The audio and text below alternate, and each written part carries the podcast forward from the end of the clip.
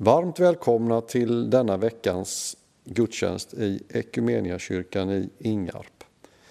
Eh, jag som ska försöka leda genom detta heter Mattias Hörlén och kommer ha lite hjälp av eh, inledningsord som läses av Marianne Ljunggren. Vi kommer få höra på sång av Annika och Roddy Brun och till slut, eller mitt i, kommer Mattias Ingesson att predika för oss. Ni ska alla känna er välkomna vilken tid på dygnet ni än lyssnar på detta och var någonstans ni än befinner er. Eh, själv står jag i kyrkan i talarstolen och tänker mig alla bekanta ansikten framför mig. Eh, jag saknar er, men samtidigt så vet vi ju om varandra att vi, vi finns ju kvar där vi bor och där vi lever. Eh, I en gemenskap som fortfarande lever. Vi börjar gudstjänsten med att sjunga salmen tillsammans där vi sitter och lyssnar på de som sjunger och det är nummer 217. Gud, för dig är allting klart.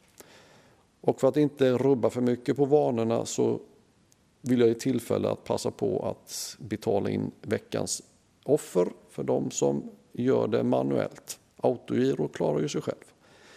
Har ni glömt numret så finns det ett swishnummer som lyder 123 298 0282. Nu lyssnar vi och sjunger.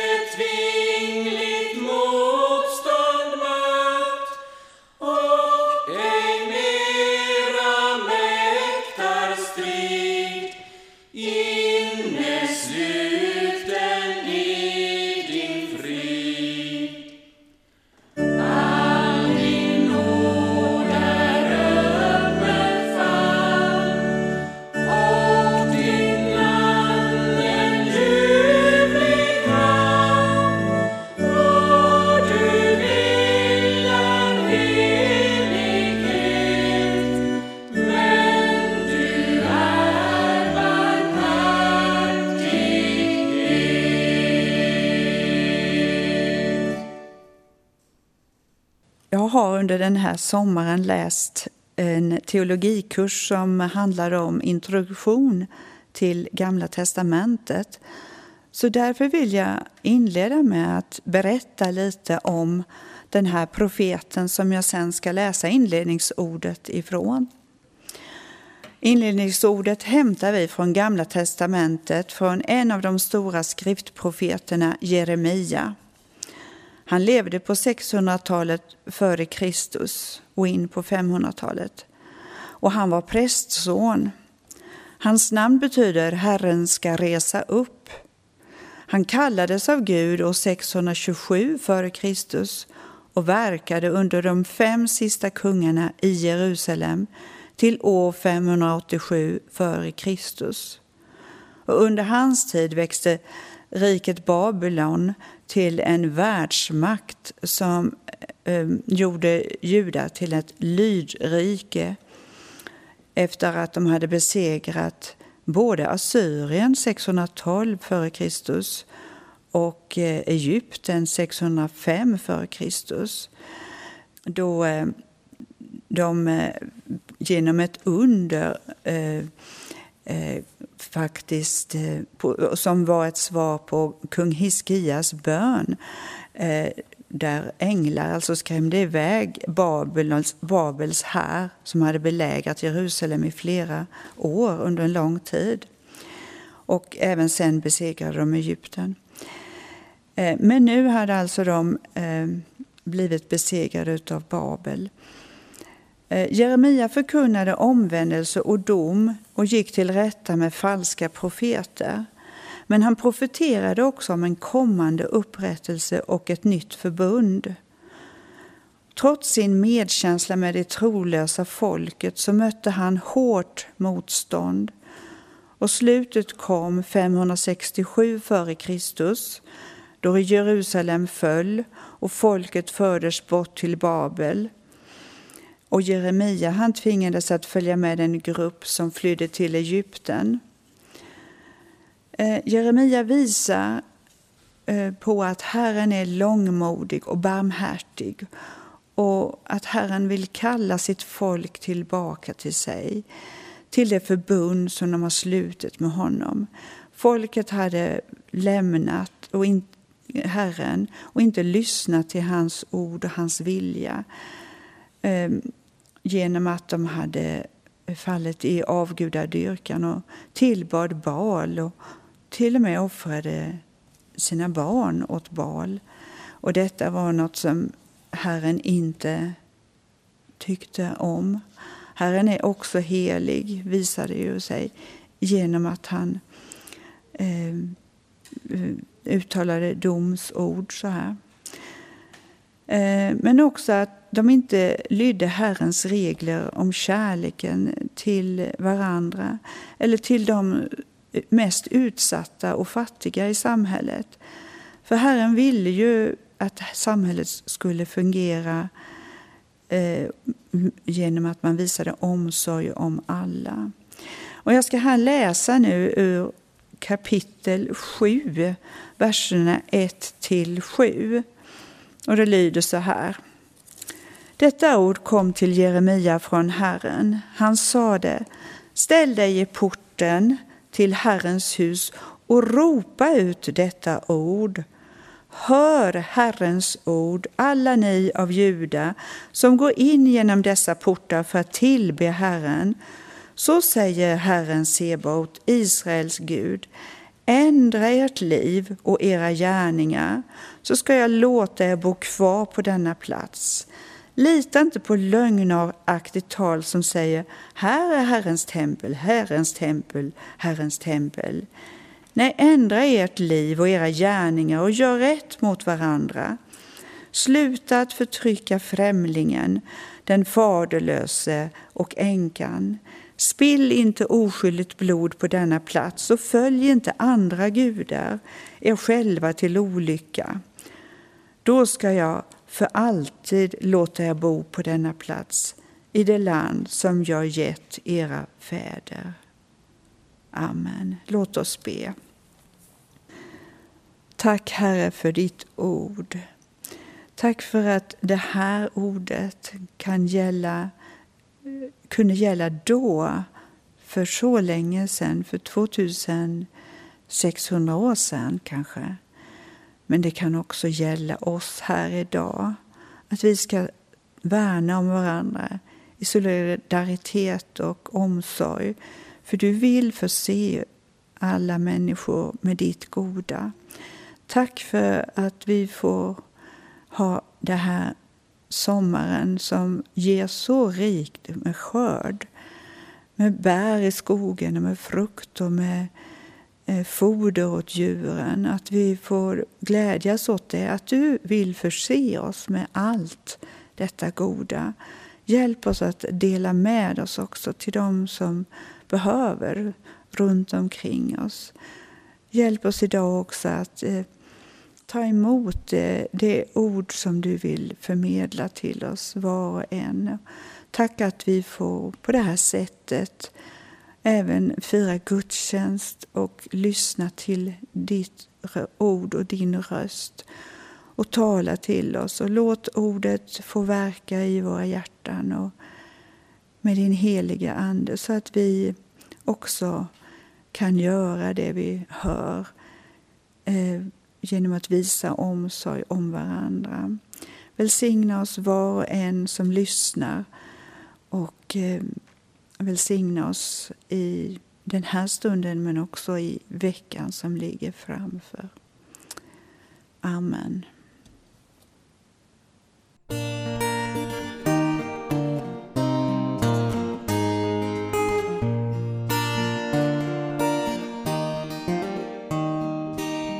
Den röst som aldrig klingar bort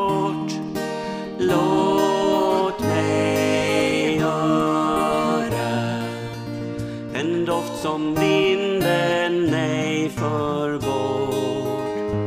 Låt mig känna i den famn som ej stöter undan. Låt mig slutas mitt hjärtas lust här, du Herre kär. Du är min själ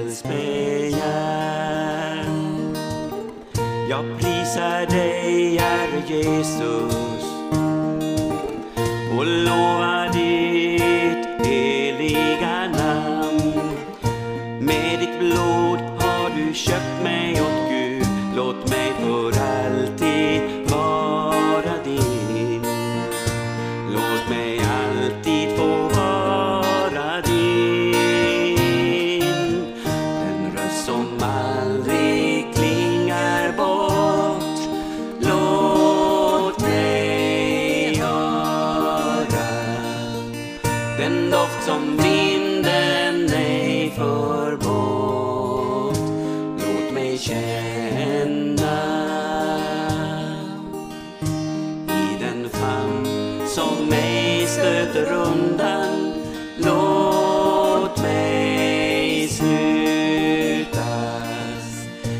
hjärtas lust är du, Herre kär.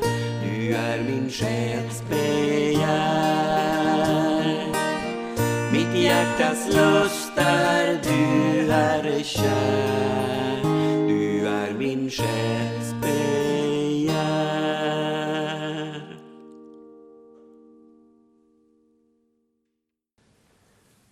Temat för den här söndagen i kyrkoåret är andlig klarsyn.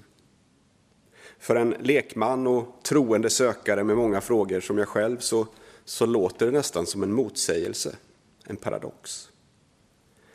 Det andliga är ju det där osynliga som sker i en annan dimension, inom oss eller i världen runt om oss. Är inte det nästan definitionen på något andligt? Att det inte är konkret och synligt? Klarsyn betyder att man kan se klart. Att man kan urskilja en sanning, ett syfte, en person eller en sak och inte behöver tveka på vad det är man ser. Så andlig klarsyn, vad är det? Hur går det ihop? kanske funkar för profeter och präster och personer med särskilda gåvor. Men för mig?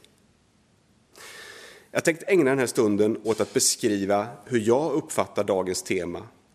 Och min förhoppning är att mina ord och tankar ska få bära genom de digitala kanalerna och ge lite råg i ryggen till någon som känner igen sig eller inspirera till nya tankar, vägval och beslut. Innan jag börjar vill jag be en bön om Guds närvaro och medverkan. Att han ska leda mina och era tankar dit han vill. Herre, jag ber att du ska vara med oss denna stund. Du som känner oss var och en bättre än vi känner oss själva. Vaka över ord och tankar och led oss på din väg. Amen.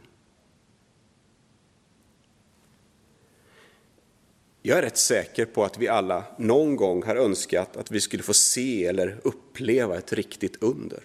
Eldskrift på väggen eller någon annan typ av mirakel som en gång för alla suddar ut alla tvivel.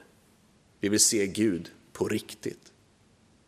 Vi vill kunna se det som är ande riktigt klart.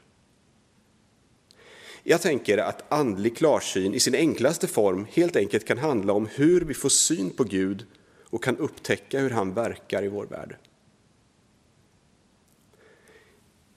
I första Kungaboken kapitel 19 kan vi läsa om profeten Elias möte med Gud på berget Horeb.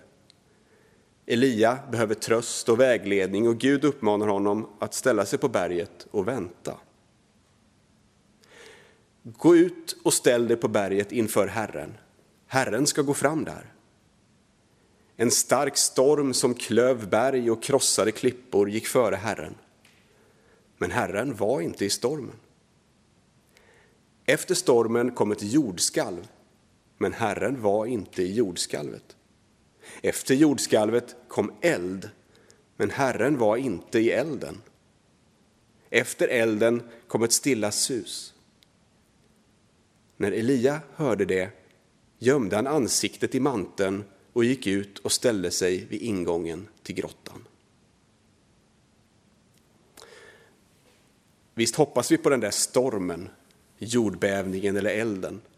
Och Bibeln innehåller ju gott om exempel på när Gud tar i så att marken skakar och naturlagarna sätts ur spel. Men Elia möter Gud i den stilla viskningen. Gud gör häftiga mirakler, men inte på beställning. Och inte bara för att visa sig själv för oss.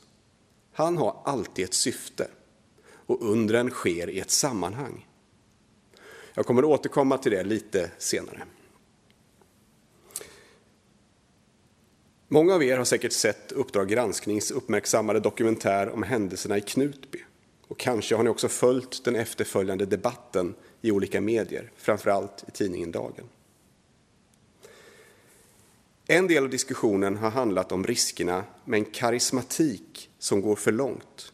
En kristen gemenskap där så kallade, så kallade andliga upplevelser blir måttet som mäter hur man blir rätt eller hur frälst man är. I en insändare i tidningen Sändaren den 22 juli skriver en grupp pingstvänner om att det som hände i Knutby kunde ha hänt i deras församlingar också. De känner igen sig i sökandet och jakten efter de häftiga andliga upplevelserna. Och deras poäng, som jag förstår den, är att det måste finnas ett ledarskap i församlingarna som kan nyansera, balansera och förankra de ungas tro i både bibelord och vår högst mänskliga värld och tillvaro. I 90-talets Knutby drevs utvecklingen på av extrema personligheter och läror som jag själv inte har mött i Trygga Missionskyrka. Men från samma tid minns jag ändå mitt eget sökande och min egen längtan efter att se Gud klart. Jag minns böcker och musik från denna tid och jag minns att jag som tonåring tänkte att ju mer andligt det kunde bli, desto sannare och heligare måste det vara. Hösten 1994, eller kanske var det våren 95, besökte jag och några vänner en vinjardgudstjänst i Sundbyberg. Vi tänkte att de var superandliga. Och jag tänkte att ikväll så kommer jag inte att kunna misslyckas. Ikväll kommer jag att få se och känna Guds närvaro på riktigt. Det här, det kommer bli något annat än de stela gudstjänsterna hemma i min församling. Och som jag minns det, det är ju ganska länge sedan, så var det en röjig kväll med bra musik och intressanta talare. Men framförallt minns jag det jag kallar hackspettarna. Under den här perioden hade det uppstått ett fenomen i karismatiska sammanhang där personer som berördes av den helige Ande antingen fick våldsamma skrattattacker, föll handlöst till golvet eller som den här kvällen började gunga fram och tillbaka med huvudet som, ja, i brist på en bättre beskrivning, hackspettar. Jag kämpade med min koncentration i bönen och jag ville ta mig dit där de andra var. Jag ville uppleva samma sak. Men ingenting hände. Gud var inte i stormen, i jordbävningen eller elden. Inte för mig. Men plötsligt, mitt i kaoset, så upplevde jag som en stilla viskning. Kanske var det bara en tanke i mitt huvud. Kanske var det min egen tanke. Jag minns faktiskt inte exakt hur det kändes. Men tanken som fyllde mitt inre och som fick mig att sätta mig ner i en stillsam vila, det formulerades ungefär så här. Är det verkligen det här du längtar efter? Är det detta du vill ha av mig? Du har vandrat med mig nästan hela ditt liv och när du behöver det så kommer jag att finnas där för dig och tala till dig på det sätt som du behöver. Gud kom till mig i den stilla susningen. Jag tror att Gud berör människor på olika sätt och tvivlar inte på att Guds ande kan beröra konkret, trösta eller hela. Han kan visa sig genom direkta tilltal i profetior. Men det är inte det enda beviset på hans existens. Det är inte bara så man får syn på honom. Jag tror att andlig klarsyn handlar om vetskapen om att Gud talar till olika människor på olika sätt. Att det karismatiska och väldigt andliga har sin roll att spela, men att tilltalet i den stilla viskningen, i naturupplevelsen eller i ett ord som delas av en vän i vardagen inte har ett mindre värde som bevis på att han vandrar med oss. När man läser bibeltexterna som hör till den här söndagen så blir det tydligt att andlig klarsyn också handlar om att kunna skilja på rätt och fel, ont och gott. I Matteus kapitel 7 och verserna 15 till 20 någonting så varnar Jesus oss för falska profeter och lär oss hur man ser skillnad. I en tid när internet och sociala medier strömmar över av olika budskap så är det inte alltid lätt att bedöma vad som är äkta, sant och gott. Men enligt Jesus så finns det ett sätt. Det märks på frukten. Jesus sa, akta er för de falska profeterna som kommer till er förklädda till får, men i sitt inre är rovlystna vargar. På deras frukt ska ni känna igen dem. Plockar man kanske druvor på törnen eller fikon på tistlar. Så bär varje gott träd bra frukt, men ett uselt träd bär dålig frukt. Ett gott träd kan inte bära dålig frukt, inte heller kan ett uselt träd bära bra frukt. Varje träd som inte bär bra frukt huggs ner och kastas på elden.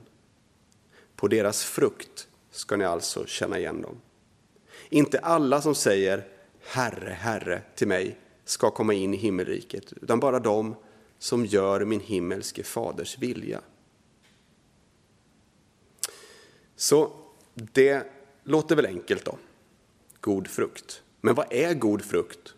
Vad är Faderns vilja? Jesus fortsätter.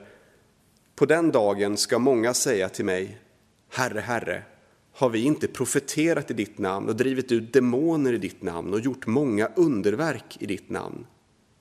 Och då ska jag säga dem som det är. Jag känner er inte. Försvinn härifrån, ni ondskans hantlangare.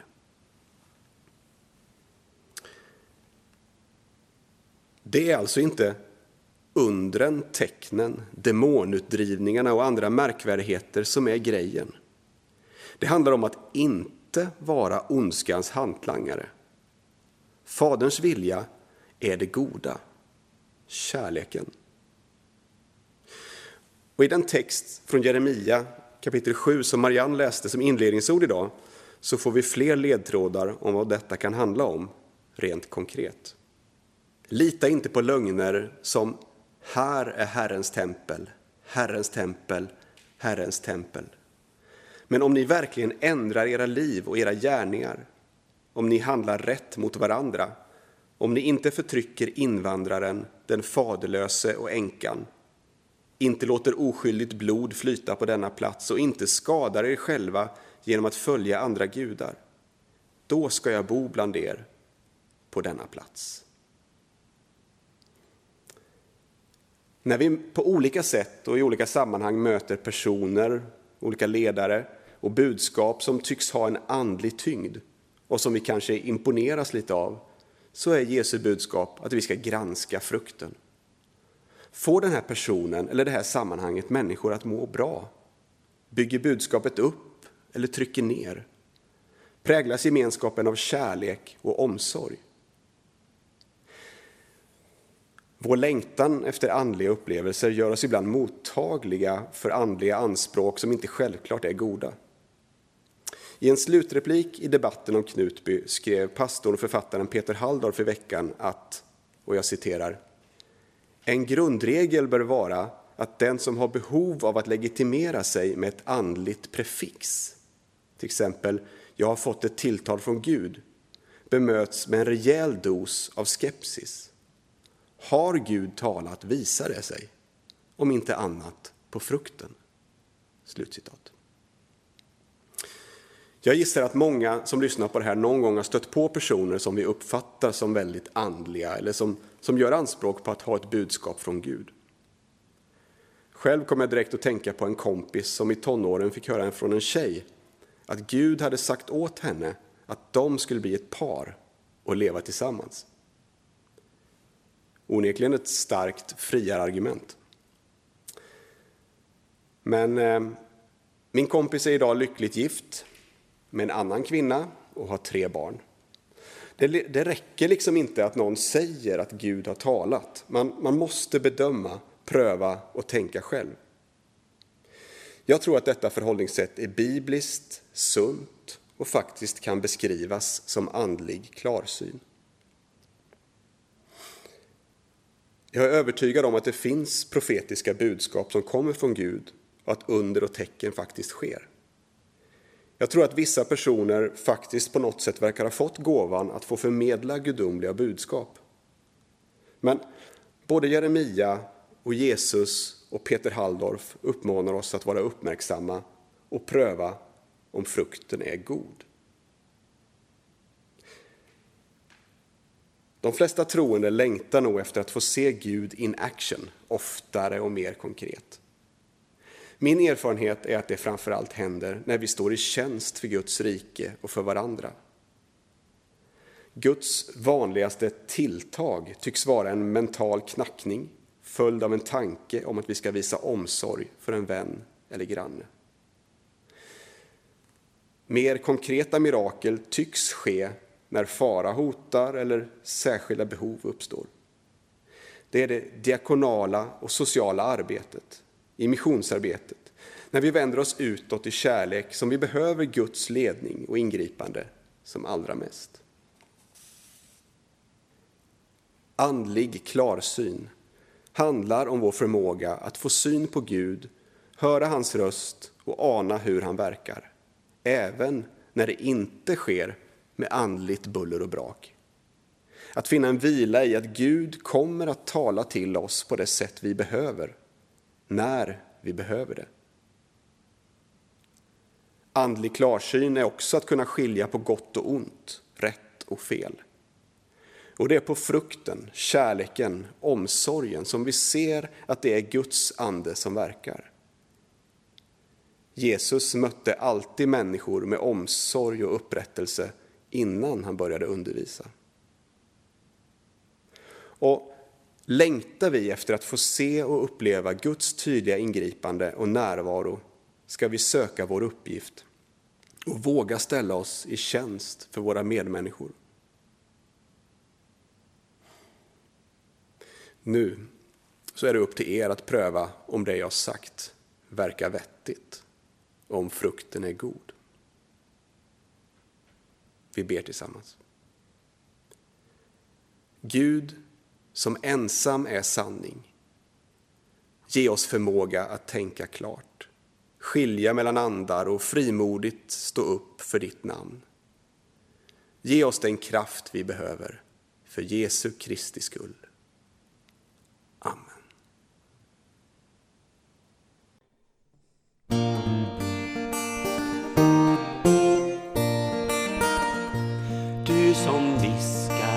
Nam.